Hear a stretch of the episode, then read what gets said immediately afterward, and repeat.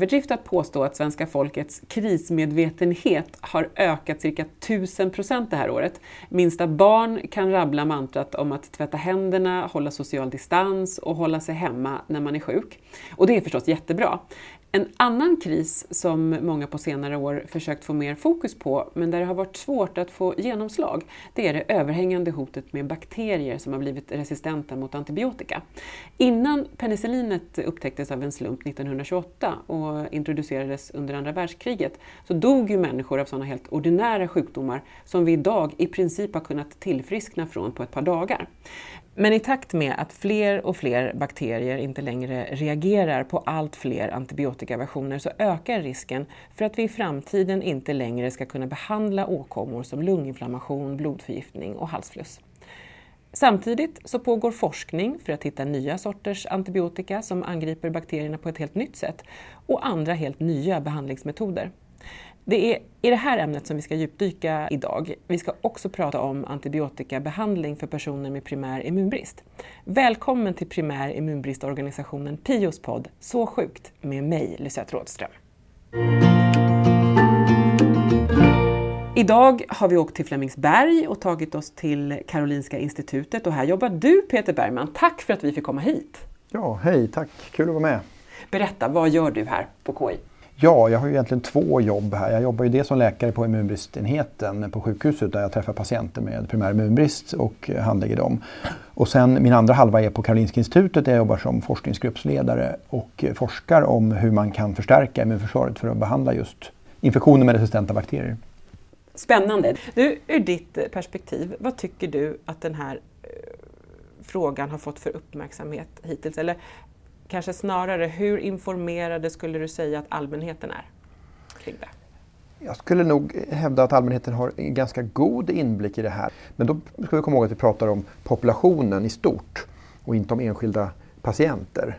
Utan när vi mäter på nationell basis, då ligger vi bra till så att säga.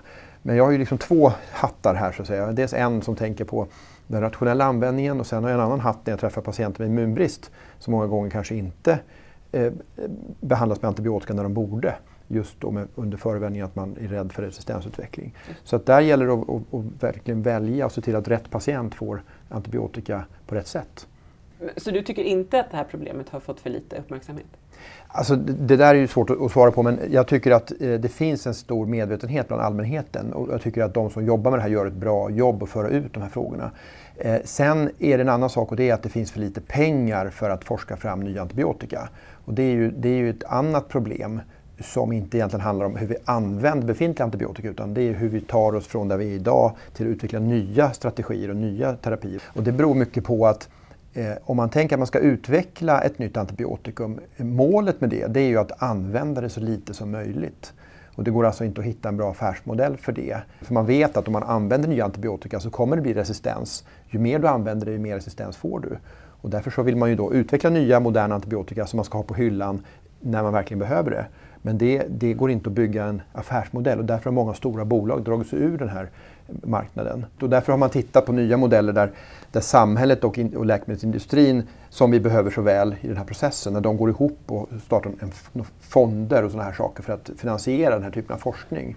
Och där, där eh, jobbar man aktivt idag för att hitta modeller för att finansiera ny forskning på det här området. Men det är, det är, inte, det är inte så lätt nöt att knäcka i och med att du behöver industrin och de behöver också tjäna pengar eh, på nya antibiotika. Så att, och därför är vi tillbaka till det här man tittar väldigt mycket på i den korta horisonten. Hur ska vi använda befintlig antibiotika eh, i kombinationer eh, på ett effektivare sätt och sådana här saker för att spara tid och utnyttja det vi redan har så att säga, utvecklat idag. Då. Hur bråttom är det?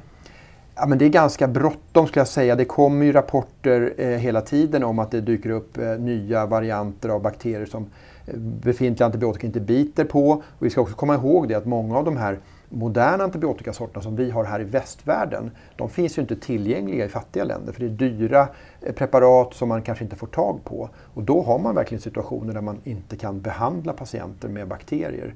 Och det är en ganska obehaglig, eh, obehagligt scenario som man ser framför sig och det gör ju också att man förhindra mycket av den moderna sjukvården som transplantationer och avancerad kirurgi och neonatalvård och sådana här saker där eh, infektionskontrollen är central för att bedriva den typen av avancerad vård. Och helt plötsligt kastas vi tillbaka i tiden på något sätt ju. Ja, men lite så är det och det, därför gäller det också att lyfta blicken och se lite grann på det globala problemet. Så att där finns det ju ett, ett rejält, rejält problem som inte är löst. Vi ska komma tillbaka till det, men jag tänker att vi ska måla upp bilden så att alla lyssnare förstår. Mm. Vad är det som är problemet och varför ser det ut som det gör? Om vi börjar med vadet.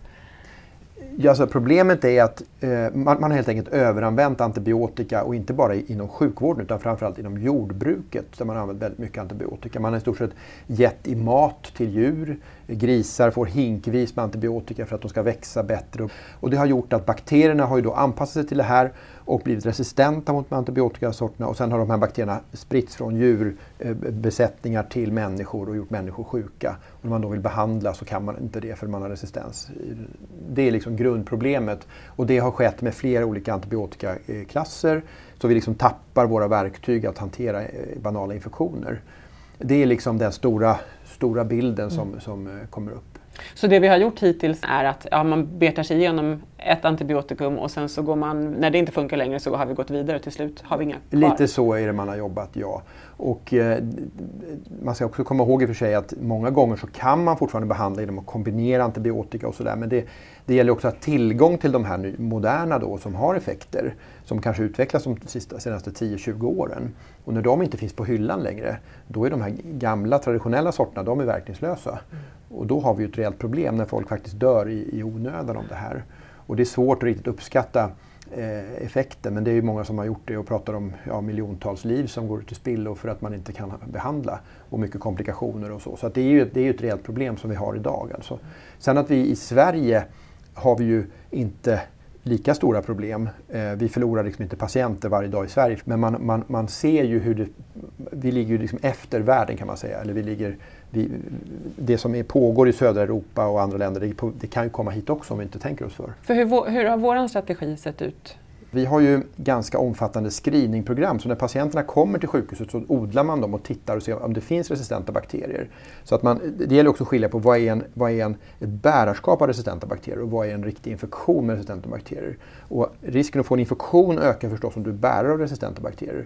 Och kan du hitta patienter som bär på resistenta bakterier innan de faktiskt blir sjuka eller smittar till andra, då kan du lägga dem separat i vården och då hindrar du att de sprider de här resistenta bakterierna vidare. Sen har de fortfarande själva bärarskapet kvar som gör att de riskerar att bli sjuka. Men du har ju bara en bråkdel, alltså toppen av isberget är ju själva infektionen med resistenta bakterier.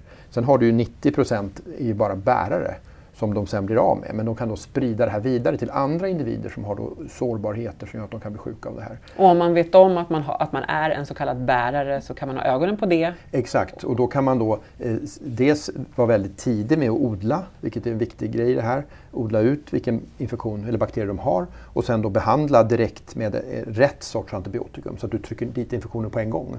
Därför att problemet med det här är när du behandlar med fel antibiotika det vill säga en som bakterien är resistent emot, det är att de resistenta bakterierna får ju en tillväxtfördel. Därför att alla känsliga försvinner och all näring som blir kvar, det, går, det tar de resistenta hand om. Och det är det som är grejen att det bästa är en situation där du inte har antibiotika.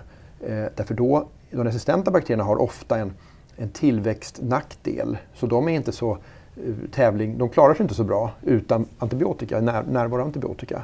Utan då tar den normala floran över och, och liksom ser till att det hålls rent från de resistenta bakterierna. Det är en, en så att säga, grundläggande princip. Vad ser vi globalt? Nu har vi varit inne på Sverige och vi har ju någon sorts strategi för hur vi ska mm. göra. Men om man tittar globalt, hur, hur ser det ut då? Alltså globalt ser det väl fortfarande ganska mörkt ut skulle jag vilja hävda. Att man, man eh, har ju fortfarande eh, alldeles för stor tillgång till antibiotika eh, där så att säga, patienten själv tar initiativet att behandla och där man kanske inte har kontrollen av antibiotikaanvändningen. För det man pratar om det är ju egentligen inte att minska antibiotikaanvändningen utan det är ju att använda det rationellt, så att säga. rätt läkemedel till rätt patient. Det är ju det. Det är ju ingen som har sagt att vi ska sluta använda antibiotika. Utan det gäller ju bara att se till att inte använda det i onödan. Så att man sparar det till de som verkligen behöver det.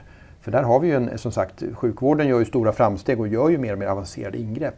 Och alla de här ingreppen görs ju, men människan har ju massor av bakterier på kroppen som eh, ska vara på rätt plats. Så att säga. Och när man skär, gör kirurgi till exempel, ja, då kanske man skär hål på tarmen och så kommer det in bakterier i blodet.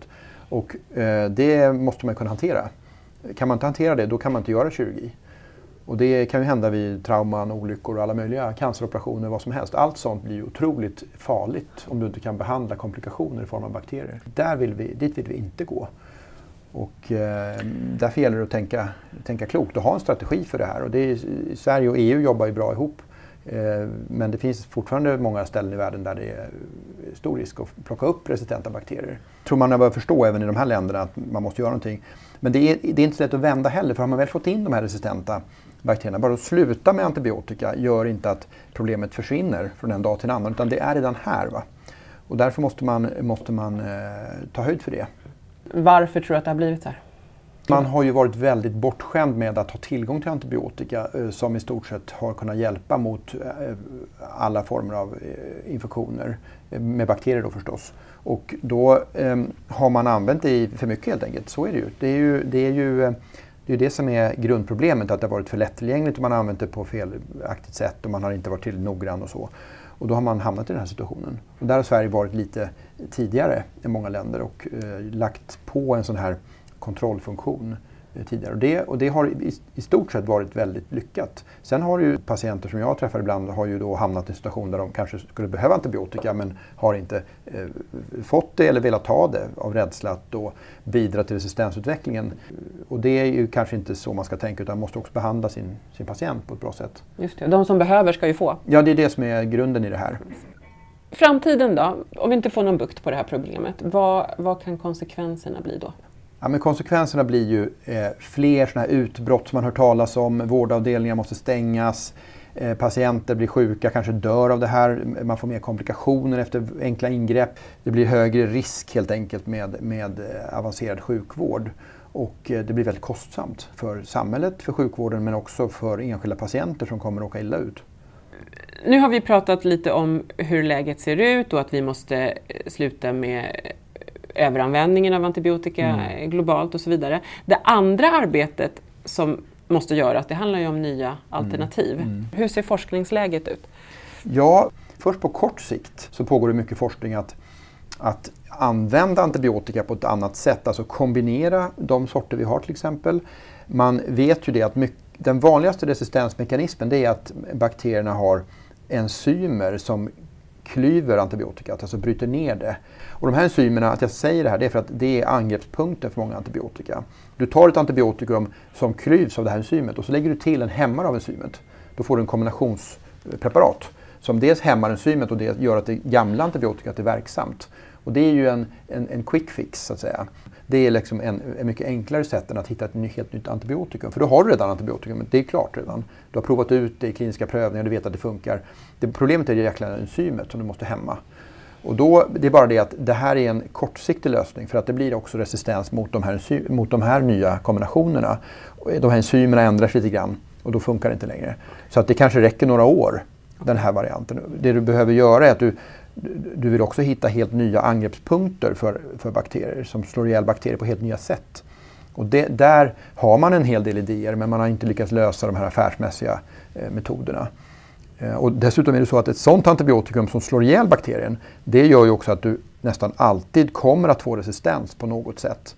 Därför att när du, eh, återigen då, när du gör det här selektionstrycket det gör ju det att bakterierna ändrar sig hela tiden, de muterar ju. Liksom. Och när du då har ett helt nytt antibiotikum, ja då tar det inte så lång tid innan det börjar dyka upp eh, varianter av bakterier som är resistenta. Och därför har man då också funderat mycket på helt nya sätt. Och då finns det någonting som kallas för virulenshämmare. Och det är ju då att bakterien kan finnas i flera varianter där en del bakterier har verktyg för att göra dig sjuk medan andra kanske saknar de här verktygen. Och kan man då stänga av de här verktygen, alltså virulensfaktorerna.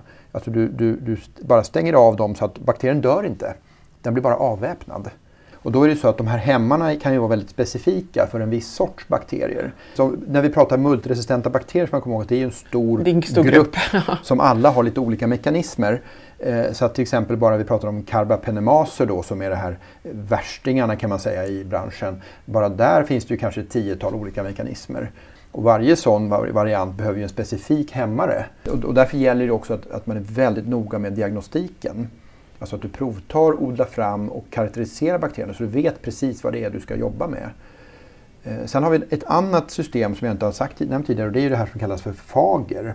Bakteriofager och det är ju, det är ju virus som dödar bakterier. Och det har ju använts sedan 50-talet i mycket i östländer och så, i Georgien och i gamla Sovjetrepubliker. Och det har ju massa fördelar då men å andra sidan har det aldrig riktigt provats ut i västvärlden. Så det är någonting som man nu har dammat av och börjar utveckla igen då. Och där har du problemet att de är så superspecifika så de, de går på bara en enda liten klon av bakterierna. Så att där behöver du liksom blanda en cocktail av fager och du använder det här. Och det, det, det, det är nästan så att du har en, en, en, individualiserad terapi. Alltså om du skulle drabbas av en viss sorts bakterie, då odlar man fram den och typar den och säger det är precis den du har problem med. Och sen har man också forskning som vi själva ibland håller på med, det är ju att förstärka immunförsvaret. Att man, att man liksom boostar immunförsvaret lite grann så att man, man, man får hjälp av immunförsvaret i att hålla de här resistenta bakterierna, eh, kontrollera dem. Och det tänker man sig då kanske kombinera med antibiotika eller att man eh, skulle ha olika strategier som, som bygger upp immunförsvaret. Och det här blir extra viktigt för patienter med dåligt immunförsvar. Därför där ser vi också att resistenta bakterier lättare får fäste. Och, och därför är det väldigt relevant att också fundera på immunförsvarets roll i, i det här. Jag vet att du har forskat på det här med D-vitamin.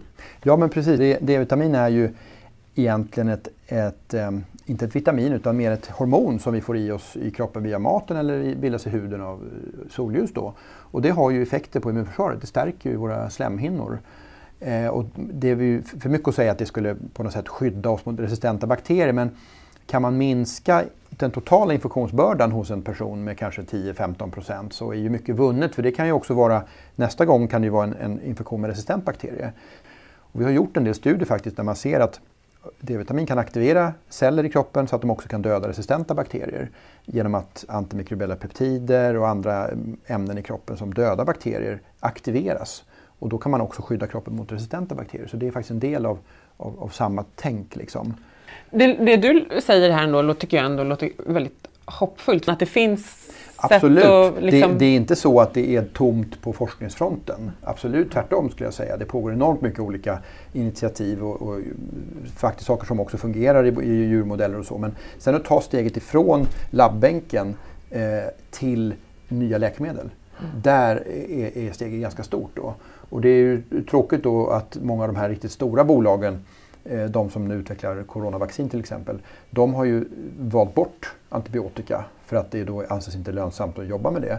Men jag tror att i takt med att problemet ökar över tid kommer man nog att vara tvungen att både från olika stater och olika bolag att göra gemensamma ansträngningar för att lösa det här. För det är ju en ödesfråga. Om inte annat så ser man ju på det här året att det faktiskt går när alla börjar jobba ihop. Exakt. Bara med tanke på att man har tagit fram hur många nya vaccin det nu är. På ja, men det, det, går och man har den här kompetensen. Man vet precis hur man ska göra om alla hjälps åt. Ja, så och häller många påsar pengar på det, men det går ju. Kan inte du bli frustrerad över det? Att, att du säger så här, ja, vi, att vi, åh, vi vill göra de här sakerna, men det är inte lönsamt. Förstår du vad jag menar? Självklart är det frustrerande, men det är också en det är också en, en naturlig del av hur, hur mekanismerna ser ut idag.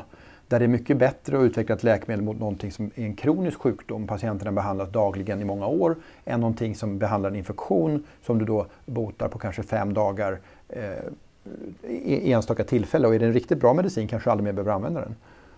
Så det är ju klart att det är frustrerande för det är ju inte så vi tänker som inom medicinen. Vi tänker ju på, på patienternas behov snarare än vad som ska ge eh, cash. Liksom. Men vi har eh, pratat eh, stora perspektiv här nu, men om vi ser till individåtgärder. Vad kan jag och vad kan alla andra göra för att påverka antibiotikaanvändningen och för att motverka att de här multiresistenta stammarna blir fler? Ja, jag tycker det där är en jättebra och klok fråga. Jag tycker det viktigaste man ska tänka på det är att man lyssnar på sin kropp och också är, kräver nästan i kontakt med vården att man Eh, får lämna odlingar. Därför att eh, det gäller att ställa rätt diagnos. Eh, har man förkylningsproblem då gäller det först att skilja ut, är det virus eller bakterier? Det är jättesvårt att göra det eh, bara på att lyssna på patienten. Då gäller det att ta prover och använda de metoder som, man, som finns i vården. Alltså provtagning, eh, bakterieodling, virusdiagnostik och sådana här saker och se vad är det patienten har för problem. Och har patienten en, en bakterieinfektion då gör man nästa steg att bedöma, är det här någonting som ska behandlas med antibiotika, ja eller nej? Och som patient då så eh, är man då frikostig med lämnaodlingar, man har, antibiotika, eller har bakterier och man, läkaren säger ja, du, du behöver nog antibiotika här. Ja, då är det bra att behandla det en kortare tid så att man blir av med den här infektionen. För dels blir man ju frisk själv fortare, det sprider man ju inte det här till andra. Och då har man ju använt antibiotika rationellt så att säga. För att avstå antibiotika när man verkligen behöver det, det blir ett stort lidande för en själv och man riskerar också att smitta andra personer i sin omgivning med de här bakterierna. Och det är ju, är ju dumt. Så att just nu pratar vi i den här PIO-podden och här har vi en målgrupp som har immunbristsjukdomar. De är extra känsliga. Och här kanske det till och med är så att man behöver använda antibiotika lite oftare än man gör för befolkningen i stort. Och då eh, kan det vara läge att man också tänker att eh, de fris den friska delen av befolkningen som inte kanske blir friskare snabbare av antibiotika, om de avstår lite mer antibiotika då kan ju också de här som har underliggande sjukdomar ha större nytta av det. Så att man liksom behöver vara lite solidarisk i det här sammanhanget. För jag tänkte just säga det, människor med primär immunbrist det är ju en grupp där liksom verksam antibiotika är ju livsavgörande i en del fall. Mm. Eh, de, de, ska väl inte chansa? Nej, jag tycker man ska inte det. Och utan, avstå? Liksom. Nej, precis. Samtidigt så gäller det att tänka efter även här då att man använder det, kanske inte använder antibiotika när det är en virusinfektion. Och då gäller det att man för bara för att man har en underliggande immunbrist betyder det inte att man alltid behöver antibiotika. Utan det ska man, ju, man har ju lättare att få bakterier och då ska man ha antibiotika. Men man kan lika gärna få virusinfektioner som inte behöver antibiotika. Så att det gäller återigen att jobba ihop med sin läkare här och försöka förstå och lära sig symptomen. När är det bakterier och när är det inte bakterier? Skulle du nästan säga, skulle du eh, kunna säga att, att, ehm, att problemet nästan är det omvända, att människor som, med primär immunbrist som kommer och söker vård att, och, och liksom träffar en läkare som kanske inte har koll på den här patientgruppen, eh, att de inte får antibiotika utskrivet?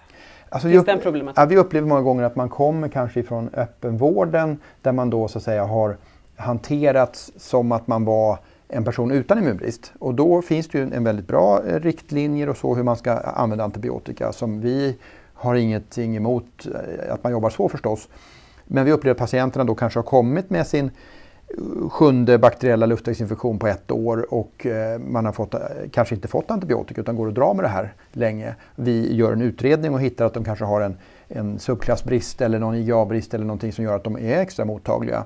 Och så får de antibiotika, eh, rätt sort och sen är de bra i två år. Eller de får gammaglobuliner om de behöver det eller så. Så det, det gäller ju att, att, att utreda patienterna och hitta de som ska ha antibiotika när de, när de är sjuka. Och, och, vi har ju de här varningstecknen som vi eh, försöker lära ut och som står på eh, finns på nätet och så, där man ska, vad man ska leta efter. Och det är just om man har upprepade infektioner som man inte har en förklaring till. Då gäller det att tänka, kan det vara något fel på patienten? Något underliggande fel? Bara för att så här, summera det du egentligen har pratat Jag tänker mm. vad jag kan be om är od jag tänker odling. Mm, mm. Om, det är en sak som man kan ta med sig om man känner att man inte får gehör. Eller att ja, man jag inte, tycker liksom... det att det är ändå bra att försöka, försöka få en odling. jag vet att det finns en uppfattning att det inte hjälper så mycket att odla och att det är dyrt och kostsamt och om, omständigt. Och, eh, och där gäller det väl att försöka övertyga kollegiet då att eh, faktiskt ta den här odlingen. Då. Det kan ju vara en sputumodling, en nasofaringsodling eller någon annan luftvägsodling man, man tycker för att då ställa rätt rätt diagnos och se om det här är bakterier eller inte. Särskilt om man har en primär immunbrist är det ju avgörande. Eh, en del pratar om att växelbruk är viktigt. Det här att man ska byta antibiotika då och då om man liksom alltid tar antibiotika förebyggande. Vad, vad har du för tankar kring det? Ja precis, då gäller det att inte blanda ihop det här nu. För nu, eh, nu pratar vi om att när man behandlar infektioner med antibiotika då eh, ska man ju alltid ha ett fynd i odlingen. Och då eh, kan man ju använda samma samma sort så att säga, om det, om det inte kommer för ofta de här infektionerna. Men om man pratar om förebyggande antibiotikabehandling, det är ju en egen, eh, egen entitet så att säga och det är ju förbehållet ganska få individer som har antibiotika utan att ha en pågående infektion. Där man ger antibiotika i längre perioder för att skydda mot infektioner som skulle kunna komma. Och det, har ju, det är ju en, en ibland en riskabel strategi därför att vad du gör då är att du lägger på ett selektionstryck på eh, patienten och eh, då är det så att de, finns det resistenta bakterier där, då får ju de en tillväxtfördel. Eh, så att då kan det vara så att patienten får en infektion under pågående profylax. Och då gäller det att tänka till. Då måste du ta bort all antibiotika, odla ut, behandla med en annan sort och sen sätta tillbaka förebyggande behandlingen. Så där, det, det, det gäller att, att vara, eh, tänka till lite grann. Där finns det då ett undantag och det är en antibiotika som heter acitromycin. Och den har två funktioner. Den är dels antibakteriell och dels är den lite antiinflammatorisk. Och den har man nytta av om patienten har kanske underliggande lungsjukdomar. De kanske har bronkektasier, de har kanske någon typ av lungskada eller så. Då finns det bra stöd för att den kan man ge i tre månaders intervaller. Och då skyddar den både mot lite inflammation och mot bakterier. Men även där kan det bli resistens mot just den antibiotikan. Då måste du ta bort den och låta normalfloran fightas med de här resistenta bakterierna igen och sen kan du sätta tillbaka den igen. Så att det gäller att låta normalfloran liksom vila lite grann från antibiotika och det är det som man menar med växelbruk, att du byter sort. Okay. Så att de här resistenta bakterierna får inte eh, hela tiden fördelar. Men, men man ska komma ihåg det, profylax ska man vara lite försiktig med för det har ju en inbyggd mekanism att du faktiskt selekterar fram resistenta bakterier. Sen kan det vara värt det därför att du kan göra nytta för din patient. Och då, det du selekterar fram kan du slå ihjäl med någon annan antibiotikasort. Men det gäller att tänka till där och göra en bra plan framåt, så att säga. inte bara idag utan en väl avvägd bedömning av helheten. Vilka initiativ vill du se från eh, beslutsfattare på olika nivåer, både i Sverige och globalt? Jag tror mycket på den här, eh, det finns ju den här organisationen i Sverige som heter REACT som leds av Otto Kars och han gör ju väldigt mycket viktiga insatser på nationell och global nivå och bygg, pratar mycket om att bygga de här fonderna för, för forskningsmedel och hitta modeller att göra det lönsamt att skapa ny antibiotika. Sen finns det ju Strama och det är ju neråt att säga att se till att man använder antibiotika på rätt sätt och de behöver ju också utvecklas förstås. Eh, men jag tror att man behöver satsa mycket mer på att utveckla de här goda idéerna som finns till riktiga läkemedel och pröva det på riktigt. Så säga. Där tror jag man, man måste satsa mera resurser. Jag hörde på radio i somras att politikerna i den här frågan är dåliga på att ta till sig vad forskningen säger. Vad har du för kommentar till det? Det tror jag kanske inte att de är, men eh, det är väldigt stor skillnad att ta till sig och att agera på det man tar till sig. Så jag tror inte att det är någon som inte förstår problemet. Det, eh, utan jag tror snarare att det, svårigheten är att gå från att förstå problemet till att göra någonting åt det. Och att det också krävs hela det här One Health-perspektivet. Eh, och man måste liksom jobba på EU-nivå. Minska liksom i jordbruket, ha nya regler, regelverk, jobba mot de här stora läkemedelsbolagen, jobba mot stater. Problemet är ju liksom, eh, det finns inte en lösning. Utan alla måste jobba lite på olika håll. Jag tror mycket på det här förebyggande. Jag tror man måste forska mer, man måste driva på så man får forskningsidéerna att komma ut i kliniken. Man måste också eh, faktiskt titta me eh, också mer på det eh, som vi har redan idag och hur vi använder det bättre i kombinationer eh, på olika sätt. Så att det, finns, det är många, många eh, delar för att lösa det här. Det kanske också, jag tänker också när covid-19 förhoppningsvis snart har blåst över så kanske det kommer ett litet mer fokus. För det här känns, det är en pressande fråga. Absolut. Som har hamnat lite så här like, i ja, skymundan just, precis just nu i varje fall. Precis, just nu är ju Corona tar ju över och jag tror att det här ligger och puttrar under ytan nu och får ju inte så mycket uppmärksamhet just nu. Men eh, jag tror att när Corona har börjat att fejda ut här om något år eller så, så kommer det här komma tillbaka. Eh, och då är man, eh, har man ju tappat några år för man har inte jobbat med det här. Just det. Det ska bli väldigt spännande att eh, fortsätta följa den här frågan och kanske är det så att vi faktiskt till och med får komma tillbaka om ett par år och se hur, hur allt har gått. Självklart, absolut, jätteviktigt. Vi följer också det här naturligtvis från insidan så att säga och ser hur, vad som händer och vi jobbar på med våra patienter och försöker använda antibiotika så klokt och bra som möjligt. Tack så mycket. Tack så mycket. Nu ska vi ta reda på vad som görs från myndighetshåll i antibiotikafrågan. Jenny Hellman, hej! Hej! Du jobbar på Folkhälsomyndigheten. Ja, men det gör jag. Ja, jag tänkte ja. att du får faktiskt berätta själv vad du jobbar med där. Ja, jag är i botten apotekare och jobbar som utredare på en enhet som heter antibiotika och vårdhygien. Och där jobbar jag eh, med antibiotikaresistensfrågor Eh, är projektledare för ett regeringsuppdrag som handlar om att säkerställa tillgänglighet till antibiotika. Jag börjar ju med att fråga Peter Bergman om han tycker att antibiotikafrågan uppmärksammas tillräckligt här i Sverige och om folk i allmänhet känner till hur akut den är och så vidare. Och Peter tyckte det. Vad tycker du? Håller du med? Ja, men jag håller med. Jag tycker att eh, allmänheten i Sverige är ganska bra informerad. Vi har eh, gjort mätningar i Sverige och i Europa eh, återkommande. Och, vi har ganska bra kunskap i Sverige. Vi vet till exempel att, eller de flesta känner till att antibiotika inte hjälper vid vanliga för, eh, förkylningar till exempel. Just det, mot Och- virus.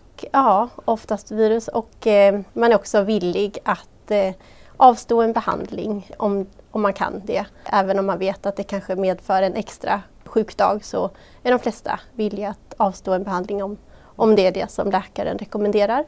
Sen kan det såklart eh, variera mellan grupper hur kunskapsläget ser ut. Och det har ju med kultur, hur man är uppvuxen eh, och vad man har för erfarenheter med sig sedan tidigare kring infektioner såklart. Men eh, antibiotikaresistens är ju någonting som vi inte kommer bli av med.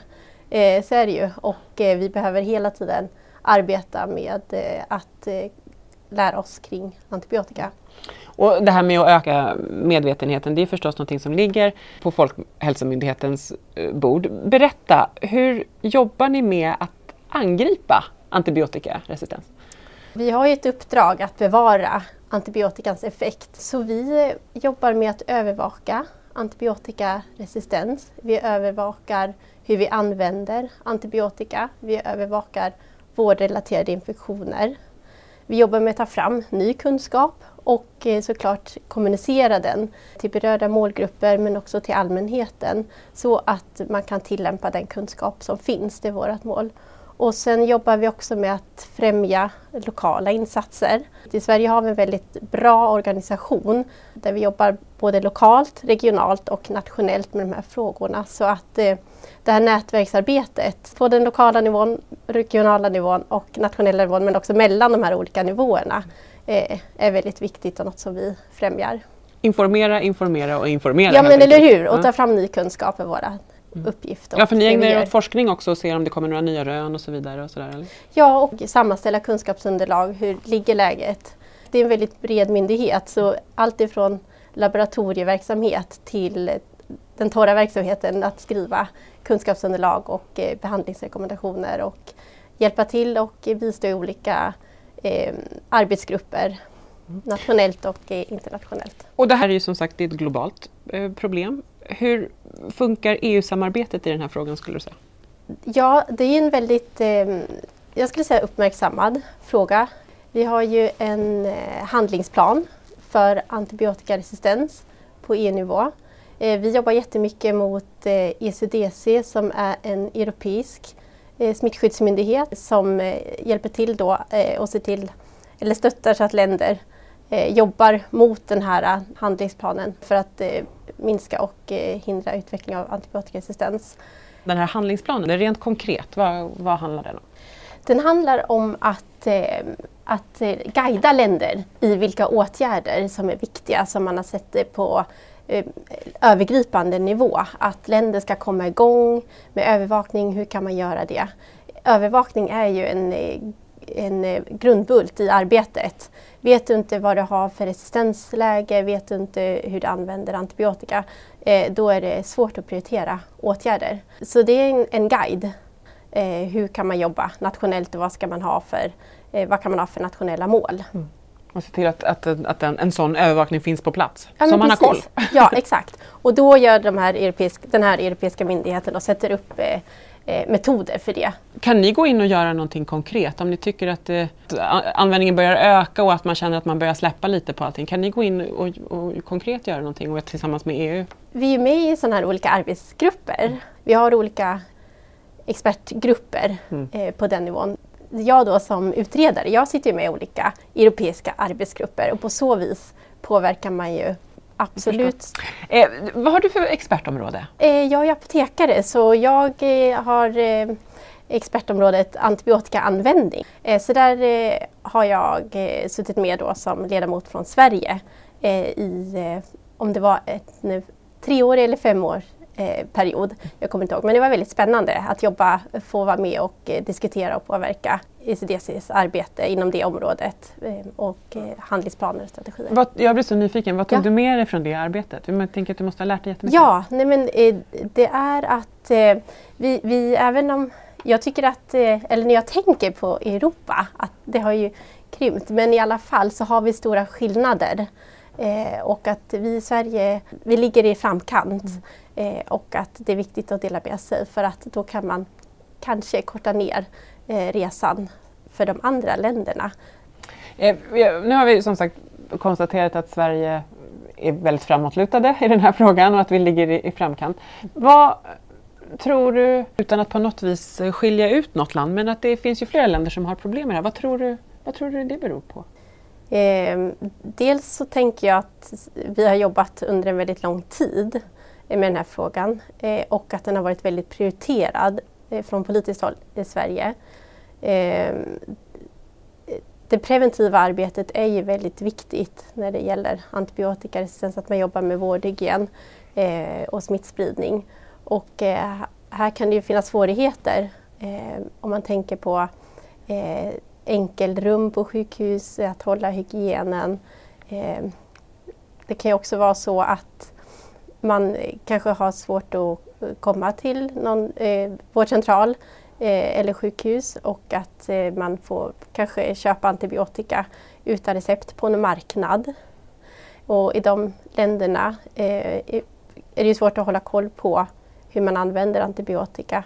Och har man inte de tekniska förutsättningarna eller att de här uppgifterna finns digitalt, att det kanske är pappersrecept eller inga recept överhuvudtaget, eh, då är det svårt att veta vilka åtgärder man ska sätta in. Det handlar om något mycket större än att bara sluta skriva ut antibiotika egentligen. Det Mm. handlar om struktur, infrastruktur Ja och allt möjligt. Ja, jättemycket. Ja.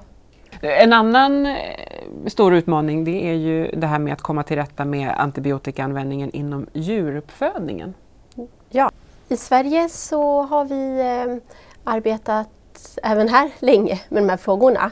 Och eh, vi var först i eh, världen med att eh, reglera kring att man inte får använda eh, antibiotika som tillväxtfrämjande. Eh, och det har vi nu också i Europa lagstiftning kring, vilket är väldigt bra. Eh, och vi är också annorlunda jämfört med många andra länder, att vi har mindre antibiotikaanvändning inom jordbruket eller inom veterinärmedicin då, än inom humanmedicinen i Sverige. Och i, jag tror nästan alla länder, andra länder i världen ser det tvärtom ut. Att man Eh, använder, mer? mer antibiotika inom djurmedicin. Ja. Jaha. Mm. Och det här beror såklart på djurhållningen. Det finns ett strukturellt problem bakom. Det är inte bara Mm. att det har uppstått en kultur Ja. där man faktiskt inte är schysst mot djuren till exempel. men precis och det blir också en kostnad att eh, ha bra djurhållning. Och eh, i vissa länder så har man ju kanske inte den här kunskapen heller. Och man har helt andra förhållningssätt och hu- hur man föder upp djur, hur det ser ut. De bor väldigt tätt på varandra. Och sen eh, är det också det här med hur man använder antibiotika för att djur ska växa snabbt. Men det här med djur är ju inte våran eh, egentligen. Nej. Nej. Nej. Men eh, antibiotika eh, resistens inom djurhållningen den hänger ju ihop med humansektorn. Eh, det smittar ju då eh, däremellan också. Så att det är viktigt att, att ta med den sektorn i arbetet. Jätteviktigt. Om vi ser till individåtgärder, vad kan jag, vad kan alla andra göra för att motverka att de här multiresistenta stammarna blir fler? Vi eh, har en eh, kampanj som heter Skydda antibiotikan som eh, eh, jag kan tipsa alla om att gå in och titta på. Där vi beskriver vad jag kan göra själv. Och där pratar vi om att inte ta antibiotika i onödan såklart. Eh, inte slänga antibiotikan eh, om man har någonting över. Spara den inte till ett senare tillfälle utan då går man och lämnar antibiotika till apoteket. Varför ska man inte göra det? Därför att eh, om du blir sjuk nästa gång så ska du gå och få en eh, bedömning utav eh, din läkare om du behöver antibiotika eller inte så att man inte tar antibiotika i onödan. Det är huvudproblemet med antibiotikaresistens, att vi har överkonsumerat och använder antibiotika i onödan. Eh, så det är jätteviktigt att få en eh, korrekt och klinisk bedömning. Så att dels att man får rätt preparat. Eh, man vill ha en så smal terapi som möjligt. Man ska få rätt dos och man ska få en instruktion kring hur man ska använda antibiotikan. Eh, och sen såklart hålla sig uppdaterad vad som gäller och eh, sprida kunskap, prata om antibiotikaresistens. Sen är det också viktigt att man inte köper en antibiotikakur när man är utomlands utan recept till exempel. Och samma sak, man ska inte köpa antibiotika på internet. Den här läkarbedömningen är jätteviktig för att få rätt antibiotika och för att vi inte ska använda antibiotikan i onödan. Så var hemma om du är sjuk. Smittspridning, det har vi alla lärt oss det här året. Verkligen. Hur det fungerar. Och, ehm, jag tänker också att eh, man ska följa vaccinationsprogram eh, för att eh, när man är, eh, är sjuk så får man ett lägre eh, immunförsvar och det är lättare att dra på sig infektioner och man kan få en eh, bakteriell infektion som då behöver antibiotika. Även om det låter dramatiskt så kan man väl säga att den här frågan är ju faktiskt precis lika livshotande som den här pågående eller nästa pandemi som kommer, eller hur? Absolut, eller hur? Ja, men så är det. Och har vi inte antibiotika eh, då Alltså vi kommer komma till den... Då har vi inget Då har vi inget antibiotika, precis. Eh, och eh, våra moderna medicin, mycket av vår moderna medicin bygger på att vi har antibiotika. Och det är verkligen en sån fråga som är viktig för hela världen, för oss alla. Ja men verkligen, verkligen. Stort tack för att vi fick prata med dig Jenny. Ja, vad kul. Tack så mycket. Ja, tack så mycket. Innan det har blivit dags att tacka av er lyssnare så är det förstås som vanligt dags för en lyssnarfråga till vår husdoktor Anders Fast. Och den berör lite grann det här att inte bli lyssnad på som patient. Anders svarar och förklarar. Vad tycker du att man ska göra när man känner att man inte blir bemött på det sätt som man kan förvänta sig eller som man hör att andra som behandlas för samma sjukdom blir bemötta på andra sjukhus? Och det är en bra fråga och en känslig fråga. Det är ju tyvärr så att även vi doktorer är människor på det sättet att vi är så olika i vårt sätt. Eh, alla Även om jag tycker att det blir successivt bättre lyssnar inte riktigt utan har de förutfattade meningarna om att jag vet vad det här är. Och då missar man ju mycket genom att man inte tänker på att det är faktiskt två experter som möts. En är läkaren som kan en massa om sjukdomar, förhoppningsvis, också den du söker för. Och sen är du själv expert nämligen på hur du själv reagerar på din egen sjukdom, hur du mår när du blir sjuk. Och det måste man lyssna på. Det är svårt att ge ett råd om du nu inte blir bemött på det sätt som du förväntar dig. Är det riktigt allvarligt så skulle jag säga att det finns ett patientombud på varje sjukhus som man kan vända sig till och som ska hjälpa till i de fallen när man känner att man inte har blivit bemött på rätt sätt eller kanske också upplever att man har blivit felbehandlad. Om vi tar då specifikt eh, personer med primär immunbrist mm. som jag ju antar att den här frågan handlar mm. om. Då har man ju ändå en behandlande läkare som man mm. har bra kontakt med. Kan man be honom eller henne om hjälp? Och liksom... Ja, jag tycker att i ett sånt läge så ska man ju höra kan inte du ta kontakt med min ordinarie läkare? Eller att jag själv tar kontakt förstås. Och så försöka på det sättet reda upp situationen. Men problemet uppstår ju ofta när man måste söka akut på jourtid. Mm. Man skulle nästan vilja liksom ha någon sorts så här kort som det står allting ja. om ens sjukdom och vad den innebär mm, som man mm. kan, som ett pass. Ja, och hoppas att det är en doktor som lyssnar för det går ju att se i journalen. Mm, det går ju som sagt. Ja. Mm. Om vi nu tänker att den här frågeställaren menar sin behandlande primär. Mm. att den läkarkontakten kanske inte är så bra. Mm. Hur tusan gör man då? Man har inte så mycket att välja på då. Om man Nej. inte flyttar. Nej, om man inte flyttar. Men eh, den nuvarande hälso och sjukvårdslagen ger mig rätt att söka second opinion var som helst i landet. Och hemortslandstinget eh, måste då betala för det. Så det betyder att jag kan skicka en egen remiss eller om jag får kontakt med en annan läkare som jag vet så kan jag skicka ett eget brev och märka den med egen remiss. Och så måste man ta upp den på mottagande ställe och faktiskt prioritera dig och säga att du får komma dit. Det gäller i öppenvård. Och den enda skillnaden mot om du hade fått en remiss, säg till eh, en specialist, det är att om du behöver resa långt så får du betala resan själv.